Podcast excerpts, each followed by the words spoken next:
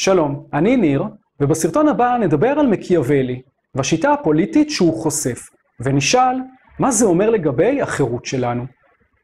גם מי שלא קרא מעולם פילוסופיה פוליטית, מכיר את השם מקיאוולי, מפני שהוא הפך להיות מילה נרדפת לתככנות וערמומיות. הפילוסוף מקיאוולי חי לפני 500 שנה, הוא עסק בדיפלומטיה וייעוץ, אך בעיקר מוכר בזכות ספרו הנסיך. בספר הנסיך, מקיאוולי מנתח הצלחות וכישלונות היסטוריים של נסיכים. הוא מייעץ לנסיכים כיצד לשמור על השלטון. המהלך הפילוסופי הבולט ביותר של מקיאוולי בספר הוא מתן הצדקה רציונלית לשימוש בפעולות לא מוסריות כדי לתפוס את השלטון ולצבור כוח. כלומר, הפילוסופיה הפוליטית שלו מעניקה לגיטימציה לפעולות האלו. עד מקיאוולי, כשהפילוסופים והסופרים היו מדברים על תכונות האופי הרצויות לשליט, הם היו מתמקדים במה שכונה המידות הטובות. ומהן המידות הטובות? חוכמה ואומץ כצפוי, אבל גם צדק, מתינות והגינות מוסרית. מקיאוולי מתנער מכך לחלוטין. מבחינתו, אין כל קשר בין שלטון ובין מוסר, שמבחינתו תלוש מצרכי המציאות. הכתיבה של מקיאוולי מתחילה בשאלה, איך יכול להיות שפעולות שונות וסותרות בהיסטוריה הצליחו להביא לאותה התוצאה?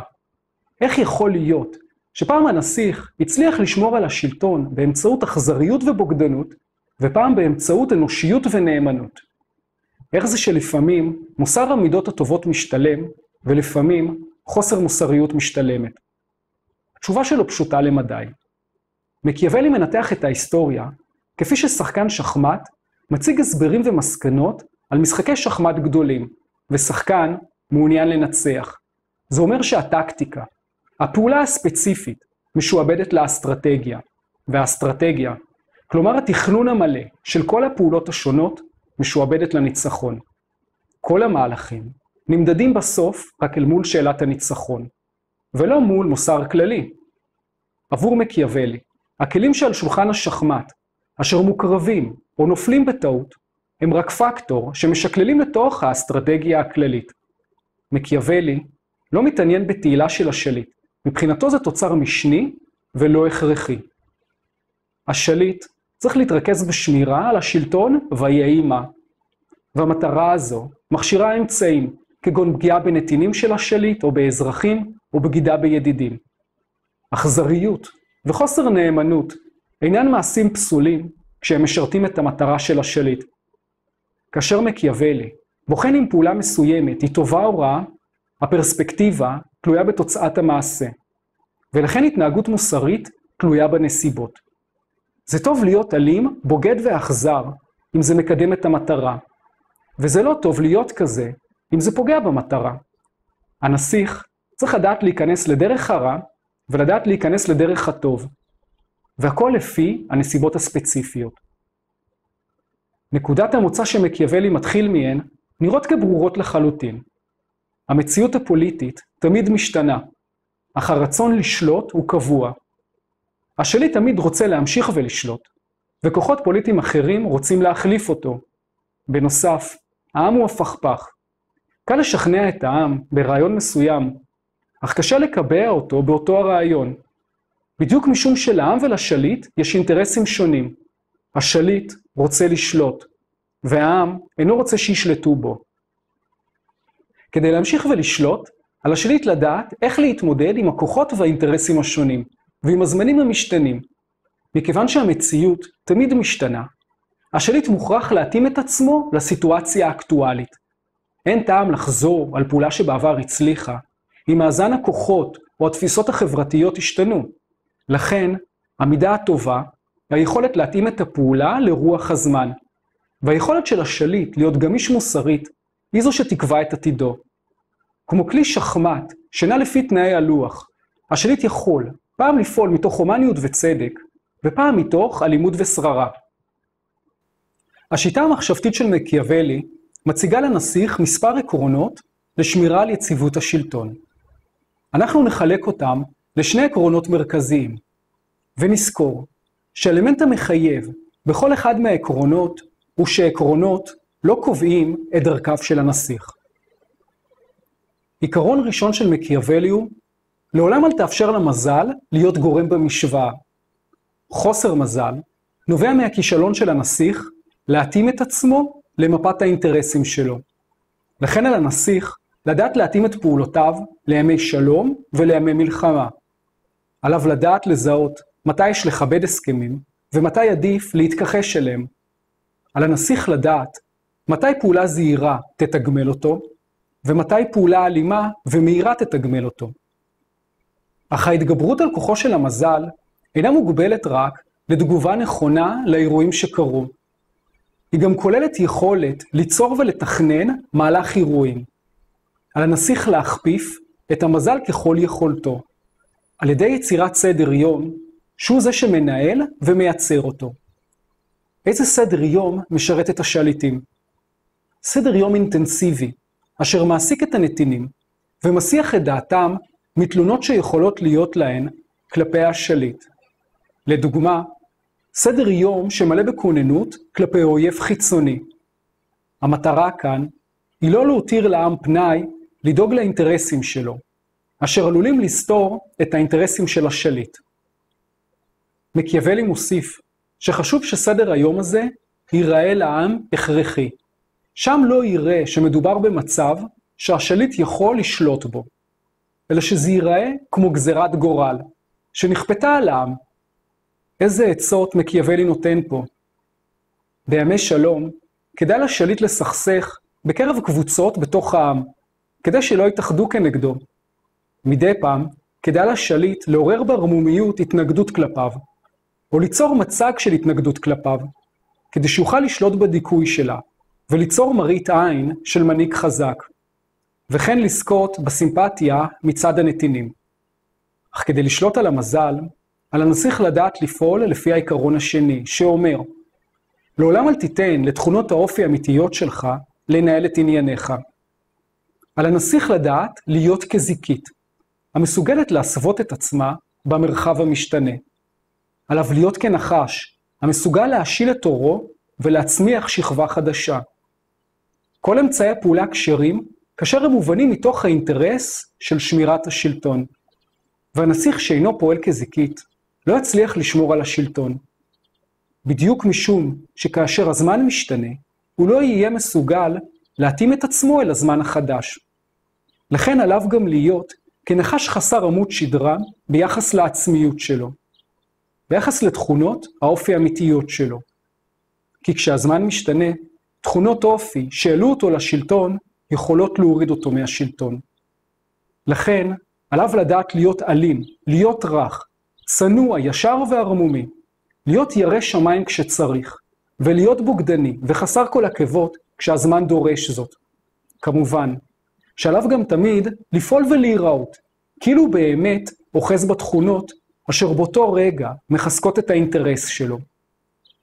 בפועל, המסר והפעולה הפוליטית של השליט צריכים לעורר חולשה נפשית ופיזית אצל המתנגדים לו, ולעורר עוצמה והזדהות באלה התומכים בו. ומשום שהמציאות תמיד משתנה, כאשר הנסיך מזהה שהתומכים בו מתחילים לכרסם בכוחו, עליו למצוא את הדרך להחליש אותם, וליצור לו קואליציה חדשה שתגן עליו.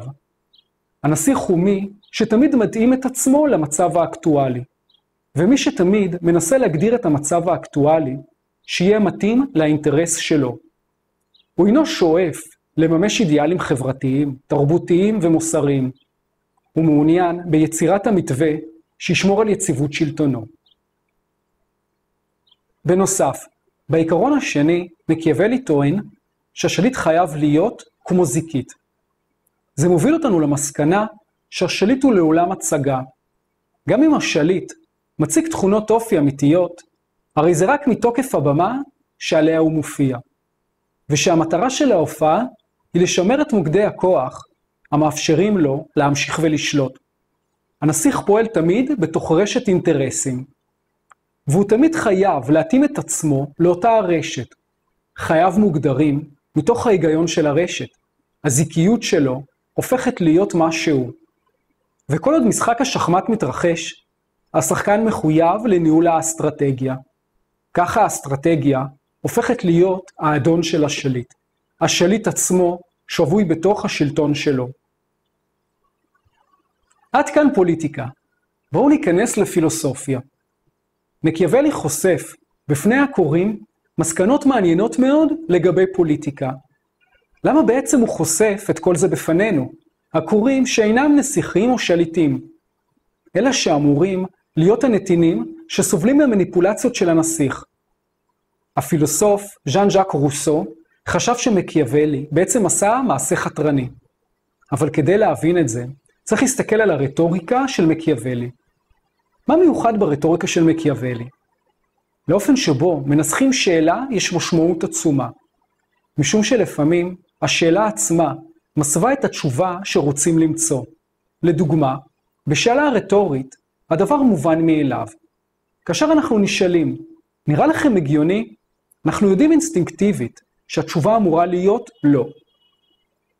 אז מקיאוולי לא מתנסח בשאלות רטוריות, אך השאלות שלו מניחות את התשובה כמו בשאלה רטורית, ואנחנו, בלי לשים לב, נופלים לתוך ההיגיון של המחשבה שלו. מקיאוולי מצהיר שהוא שואף למצוא סיבות רציונליות לפעולותיו של השליט המצליח. מחשבה רציונלית טוענת שהיא מסיקה את המסקנות שלה באופן לוגי מתוך אמת מסוימת, ולכן היא מנומקת ונכונה. על פניו, מקיאוולי, כמו כל הוגה, פשוט מנתח את הפוליטיקה על בסיס ההבנה שלו עצמו את האדם והמציאות. ניתן לומר שזו שיטת מחשבה מבורכת, שנראית במבט ראשון אובייקטיבית, אבל כמובן, לפני שנברך אותה, אנחנו צריכים לשאול, האם המסקנות שלה מבוססות על אמת אובייקטיבית או על אינטרס? זה באופן כללי הרגל בריא, לבחון מה סוג האמת שקו מחשבתי כלשהו מתבסס עליה. לדוגמה, עד למאה האחרונה, המחשבה הרציונלית, האינטרסנטית, טענה שאם יצור אנושי נולד במין נקבה או עם עור כהה, הוא פחות כשיר שכלית. ומכאן גזרו הסברים לוגיים כביכול. מדוע ליצור אנושי כזה אסור להחזיק רכוש או להיות חופשי במידה שווה? אמיתות כביכול נוטות להסתיר אינטרס. האינטרס הוא כמובן שמירה על סוג מסוים של נכס, שמעניק למחזיק בו זכויות יתר. מחשבה שמבוססת על אינטרס אוהבת להסתיר את עצמה, והיא עושה זאת על ידי כך שהיא טוענת שהיא אמיתית. בעל האינטרס לא פשוט אומר לנו שאנחנו חסרי כוח פוליטי ולכן הוא מתעמר בנו כרצונו, אלא הוא גורם לנו להאמין שהמגבלות שמוטלות עלינו הן הכרחיות. זאת ההסוואה שאומרת עד היום בקהילות שונות, שהמין שבו נולדנו באמת קובע את התכונות והיכולות שלנו. הכוח של מחשבה אינטרסנטית מתאפשר כל עוד היא מצליחה להמשיך ולהסוות את עצמה למשהו אחר.